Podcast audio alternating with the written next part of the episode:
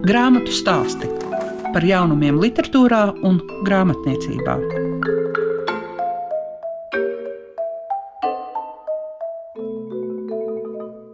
Klāt ir atkal laiks, kad runājam par grāmatām. Tātad skan grāmatu stāsti klasikā. Un šīs dienas raidījumā jūs dzirdēsiet Sandru Kalnieti. Viņa iepazīstinās ar savu romānu Tev būs četri vīri. Ciklā vērtē lasītājs dzirdēsiet par Lindas nemieras Rīgas raganām un vēl arī par Olgas Gromovas cukura bērniem. Kopā ar jums Liega Piešiņa. Grāmatu stāsti programmā Klasika. Šīs dienas grāmatu stāstu ciemiņš ir Sandra Kalniete ar savu grāmatu Tev būs četri vīri. Tie cilvēki, kas jau ir šo grāmatu izlasījuši, un es arī pie tiem piedaru, teiks, ka tas ir skaudrs un ļoti emocionāls stāsts. Sandra, kāpēc šajā laikā jums bija pašai arī svarīgi šo stāstu izstāstīt? Patiesībā grāmatu es sāku rakstīt eh, tūlīt, kā publicēja Cinīti. Man toreiz bija 65 gadi, šobrīd man ir 69 gadi. Es biju uzrakstījis apmēram vienu trešo daļu, kad mūžībā aizgāja mans tēvs. Un es vairs nespēju nekam pieķerties. Taču, kad sākās pandēmija, kaut kā es jūtu, ka man ir nepieciešams kaut kas, kas varētu man pasargāt un līdzsvarot, lai man būtu tāda intensīva intelektuāla slodze. Jo, protams, rakstīšana ir ļoti aizraujošs piedzīvojums, un es teikšu, ka romānu ir aizraujošāk rakstīt nekā dokumentālo esēju, jo dokumentālajā esejā fakti, gadskaitļi, dokumenti, kurus gribās citēt, ieliek tādā tā kā rāmī. Bet romānu rakstot, es konstatēju, ka arī nevar tā brīvi vēzēties pa labi un pa kreisi, tāpēc, ka tas personāžs personāžs, kuru es pati esmu radījusi, viņam ir sava loģika. Un ir tādi brīži, kas ir pat sāpīgi, tāpēc, ka kaut ko ļoti skaisti izdomājusi, un es pamostos no rīta, dzeru kafiju un pēkšņi saprotu, ka nemūžam Indra tā nerīkosies. Un man ir vesels gabals jāsvītro ārā. Es gan viņus parasti izgriežu un nolieku beigās rezervēju, un dažreiz šis tas no tā man ir noderējis. Cik jums pašai gribējās šajā grāmatā to sasaistīt ar pašas piedzīvoto. Indras Tārāns tēvu ir iedvesmojis manu tēvu personību, jo mans tēvs manā dzīvē bija ļoti, ļoti nozīmīgs. Zināmā mērā rakstot šo grāmatu, es rakstīju arī par viņu. Bet, protams, es nevaru atļauties rakstīt tik daudz, kā es gribēju, jo viņš nav šī romāna galvenais varonis. Bet viņa tomēr tā personība, kas visu laiku ir Indrai aizmugurē, ir ārkārtīgi nozīmīga, lai Indra to visu, ko viņai jāiztur dzīvē, varētu izturēt. Tieši otrādi, es ļoti gribēju no tā izvairīties, jau būdama publiska persona. Es visvairāk baidījos, ka notiks šī saplūsme cilvēku apziņā. Nu, tā jau ir pati Sandra, kas sevi apraksta. Tieši šī iemesla dēļ es gribēju grāmatu publicēt ar pseidonīmu. Un pat līgums izdevniecībā Zvaigzne ir parakstīts, ka būs ar pseidonīmu. Par pseidonīmu es izvēlējos galvenās varonas vārdu Indra Tārande, taču neilgi pirms jau redakcijas procesa beigām jau vāki tapa, es pēkšņi sāku domāt, es rakstu jaunu romānu. Un, ko tad es to arī publicēšu, kā Indra Tārande. Un tad es zvanīju uz izdevniecību Vīskundzei un teicu, ka es tā kā sliecos uz to, ka man tā drosmīgi ir jāparaksta ar savu vārdu. Jūs man prasījāt, kas tur ir no manis. Es neatceros, kurš no slaveniem rakstniekiem to ir teicis, ka rakstnieks jau raksta visu laiku vienu un to pašu grāmatu to, ko viņš savā dzīvē ir piedzīvojis. Un šeit tā ir tāda droši vien radoša kompilācija no daudzu sieviešu piedzīvotā, atsevišķiem notikumiem, epizodēm. Tur ir arī mans atspiedums. Tik un tā tas bija ļoti interesanti šo radīt. Tāpēc, ka man acīm redzot, velkās līdzi tā dokumentālās prozas aste, un es izveidoju tādu milzīgu Excel tabulu, kur vienā pusē ir gadi, horizontāli ir visi personāļi, jo es visvairāk baidījos, ka kāds no notikumiem, kas ir ļoti nozīmīgs mans galvenās varonas dzīvē, patiesībā notiks tādā vecumā, ka tas vienkārši nav iespējams. Un šīs tabulas iztamborēšana tā arī bija ļoti aizraujošs process. Es gan pirms tam nopirku arī vienu tādu speciālu programmu, taču tā bija tik sarežģīta, kura pati automātiski visu to laika asi laika līniju tā kā sakārtoja. Bet es tā arī neiemācījos. Es mēģināju trīs reizes. Es nemaz neesmu no nepacietīgākajiem cilvēkiem, bet man tas bija pa grūtu. Grāmatā šī Indra ir ļoti spēcīga un tajā pašā laikā es gribētu teikt, ka trausla. Vai latvietis ir tipiski tādas spēcīgas un trauslas, vai stipras un trauslas? Es domāju, pirmkārt, katra sieviete ir citāda, taču caurmērā Un man, gan man darba dēļ, gan citādi, man ir nācies sastapt ļoti, ļoti daudz sieviešu. Tāpēc es varu apgalvot caurmērā, ka Latvijas, salīdzinot ar citu tautību sievietēm, es teiktu, ir nedabiski stipras. Bet mums jau nav vēsturiski bijis cita iespēja. Jo šī ir zeme, kurai visu laiku kara pūļi ir staigājuši turp atpakaļ, izkāvuši večus, izvarojuši sievietes, un sievietēm bija tālāk vien bērni jāizvada dzīvē, un tas viss jāiztur, un vēl kaut kā arī padā nedrīkstēja nomirt. Tā kā sieviešu stingrais mugurkauls un arī savaldība, tā ir tāda īpaša latviešu sievietes īpašība, es to vērtēju ļoti augstu, bet jūs pareizi to sakiet, tāda koncentrēšanās. Indrai vairāk kārt viņa sevi ieliek tādā iedomātā korsetē. Un es domāju, ka ļoti daudzas sievietes dzīves nedienās dara tieši tāpat. Viņas uzliek sev tādu korseti, kas palīdz viņām noturēties, nesaplīst cilvēkos, bet patiesībā tas prasa milzīgu spēku un tas padara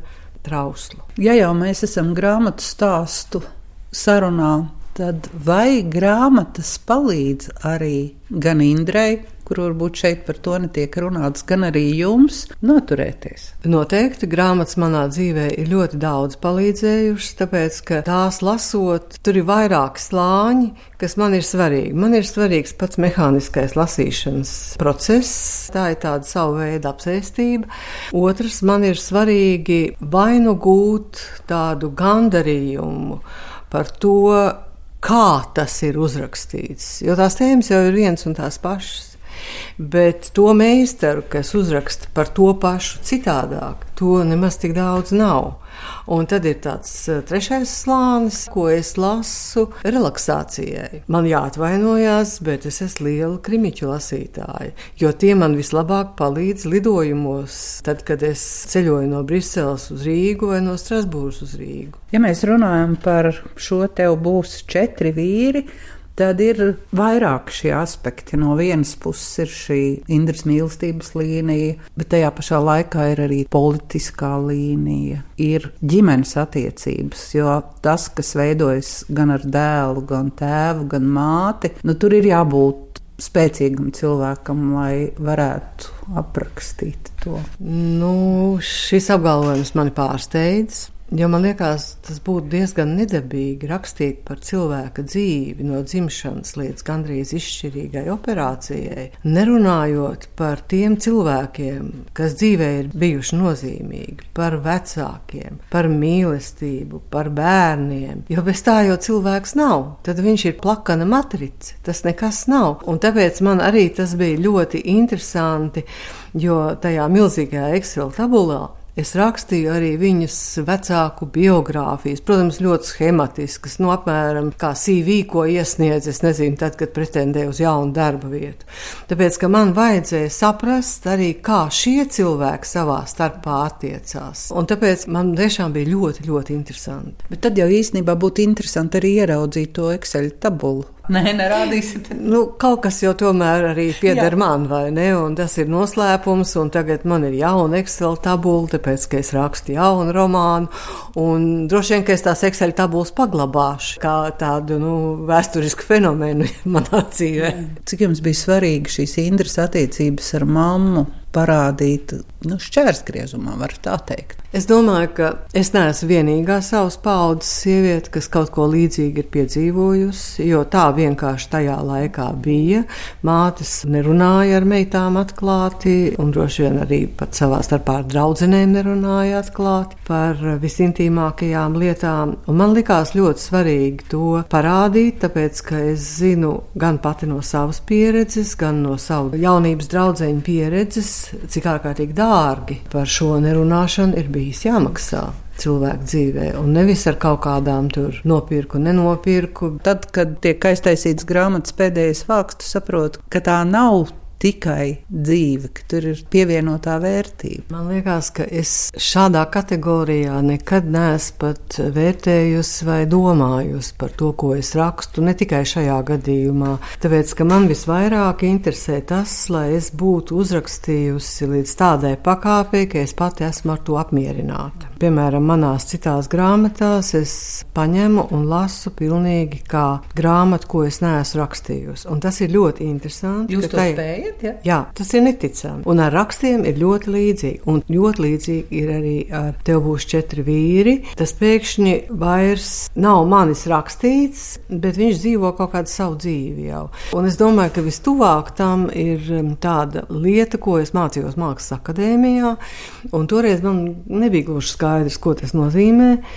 To sauc par tēla paškustību ka tad, kad tas ir dzimis, vienalga, kurš mākslas darbs, viņš iegūst to savu tieši tāpēc, ka viņam ir vērtība, viņš kļūst patstāvīgs un dzīvo patstāvīgu dzīvi. Bet tas ir fantastiski, ja jūs tā spējat uz to palūkoties. Cik jums ilgs laiks ir vajadzīgs, lai uh, varētu palūkoties kā no malas? Varētu teikt, ka tas punkts ir tad, kad paņem to iespiesto grāmatu. Es domāju, tajā brīdī tas ir pilnīgi atdalījies no manis, jo, lai tiktu līdz iespiestai grāmatai, tur ir redakcijas process, un tu intensīvi strādā ar redaktoru, un tad ir uh, mākslinieks, kas veido dizainu, un tu visu laiku tur vēl esi iekšā. Un tad vienā brīdī tas viss viss ir beidzies. Neviens ar to grāmatu nestrādā, arī es ar to grāmatu nestrādāju. Bet tad ir lasītāju tiesa. Tā ir briesmīgi. Tāpēc jau es gribēju ar to pseidonīmu rakstīt, jo es pietiekami labi apzinos, ka es neesmu rakstnieks. Nu, es esmu politiķis, un rakstīšana ir man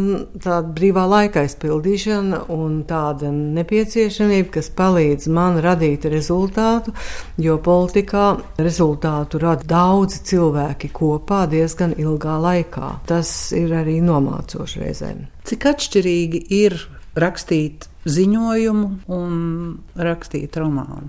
Savu domāšanu Ziņojumu rakstot nav jāizdomā. Ziņojumu raksta par kaut ko, kas ir ļoti konkrēts, to analizējot, varbūt izsekot kaut kādus um, iespējamos attīstības scenārijus, un tas arī tur paliek. Vēl citādāk ir rakstot rakstu, jo raksti arī var būt ļoti dažādi, varbūt diezgan poetiski un varbūt ļoti sausi izspiesti tikai pamattēzes un tā tālāk. Bet tas ierobežojošais arī ir valoda, jo reizēm es zinu, ka manos rakstos par politiku politiku, man redaktori ir ņēmuši ārā vārdus, kas viņiem ir šķituši stilā neiederīgi, jo tie tā kā vairāk piederētos literatūrai. Taču man liekas, ka tieši tie ir tie vārdi, kas lasītāji no tā vienmuļā ritma drusciņi pamodina. Kas tad tas te tāds? Jūs savā grāmatā pamodinat uzreiz, un, kā saka, gribētos būt tajās pašās kurpēs, ko Indra, dusmoties, ka viņa kaut ko nav izdarījusi varbūt tā, kā vajadzētu. Jūs arī tā dzīvojat līdzi. Jūs teicāt, ka jūs pārdzīvojat arī, ka Trigva mirs un tā.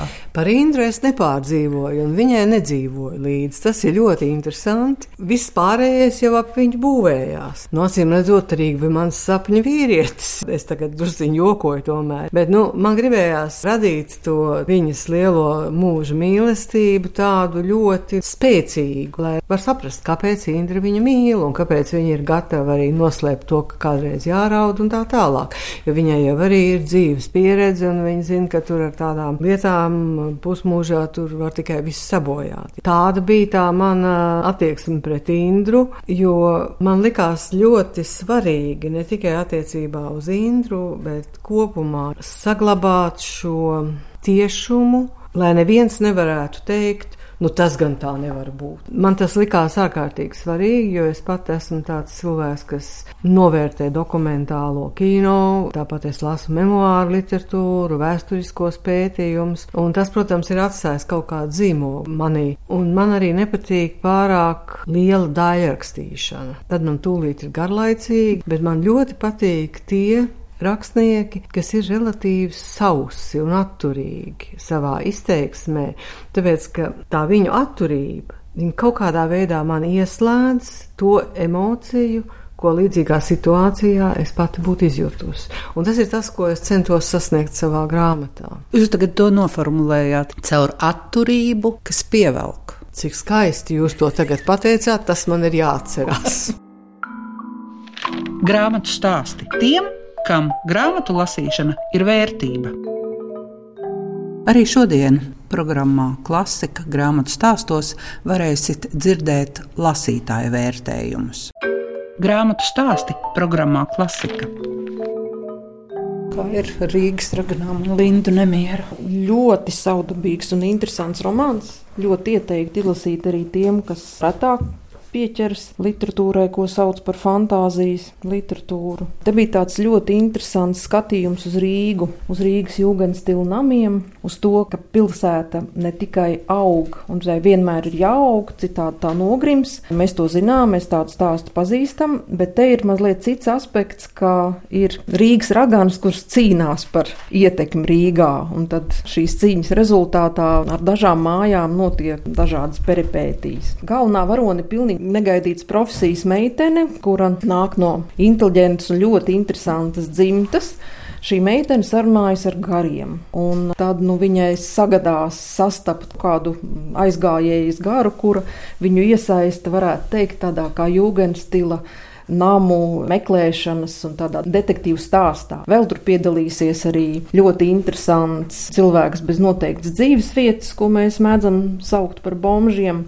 Šis cilvēks dzīvo viņas mājas pagrabā, Un tad, kad ar viņu iepazīstas tuvāk, tad izrādās, ka nekas nav tā, kā izskatās. Viņš ir cilvēks ar interesantu vēsturi, interesantu dzīvi. Nu, lūk, tā tad paskatāmies uz pilsētu kā uz tādu augošu organismu, uz pilsētu, kuru būvē pēc tādiem kā ezotērikas principiem. Linda Nemiera nodaļu sākumos citē dažādas grāmatas, piemēram, par dekoru Rīgas jūgenstila perioda arhitektūrā, vēl kādas citas grāmatas, bet bija arī tāds interesants citāts no angļu autora par pārlaicīgo celtniecību, kurā ēkas kļūst dzīves, ja tās iedzīvotājus un namus saista vienota formas valoda. Nu, tad jūgenstils būtu šis vienotās formas valoda. Lasīja ar lielu aizrautību, lai gan es atradu arī zināmas neprecizitātes ortogrāfijā un dažbrīd arī gramatikā, bet tā jau ir mana problēma. Bet katrā ziņā iesakām grāmatu. Vai tā būtu grāmata, ko varētu piedāvāt bērnu žūrijai? Zinu, man grūti pateikt. Pusauģiem noteikti varētu piedāvāt, jā. Grāmatu stāsti programmā Klasika.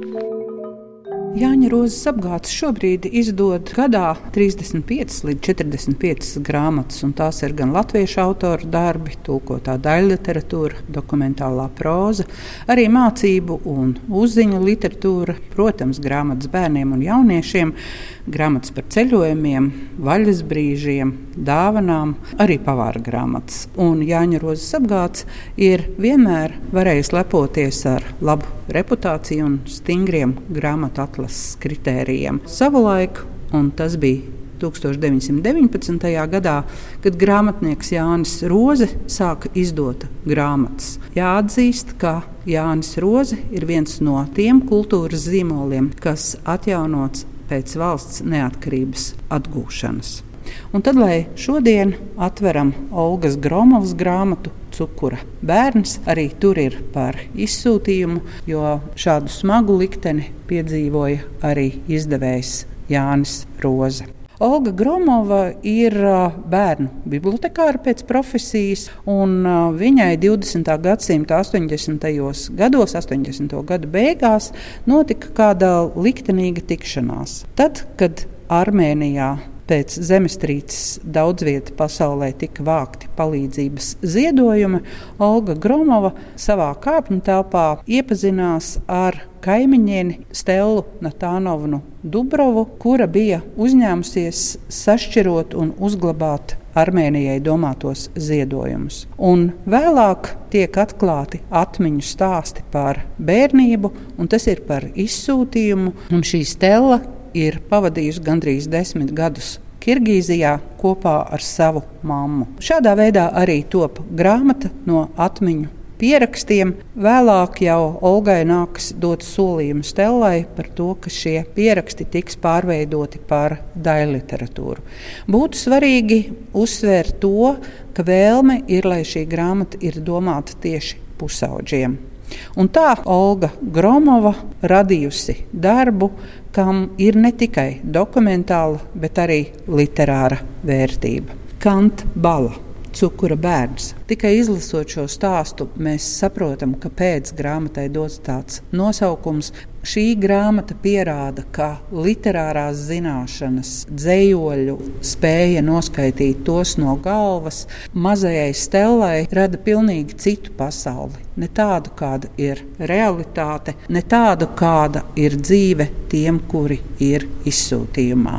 Katrā ziņā cukura bērns ir stāsts par lietām, kuras ir smagi atcerēties cilvēkam, kuras tās ir piedzīvojis, bet tomēr gan secinājumi, gan arī attieksme ir pietiekami gaiša un parāda arī literāru darbu vērtību. Izskan grāmatu stāsti. Šīs dienas raidījumā bija par Sandras Kalnietes romānu Tev būs četri vīri. Ciklā vērtē lasītājs uzzinājāt par Lindas nemieras Rīgas raganām, un vēl bija par Olgas Gromovas cukura bērniem.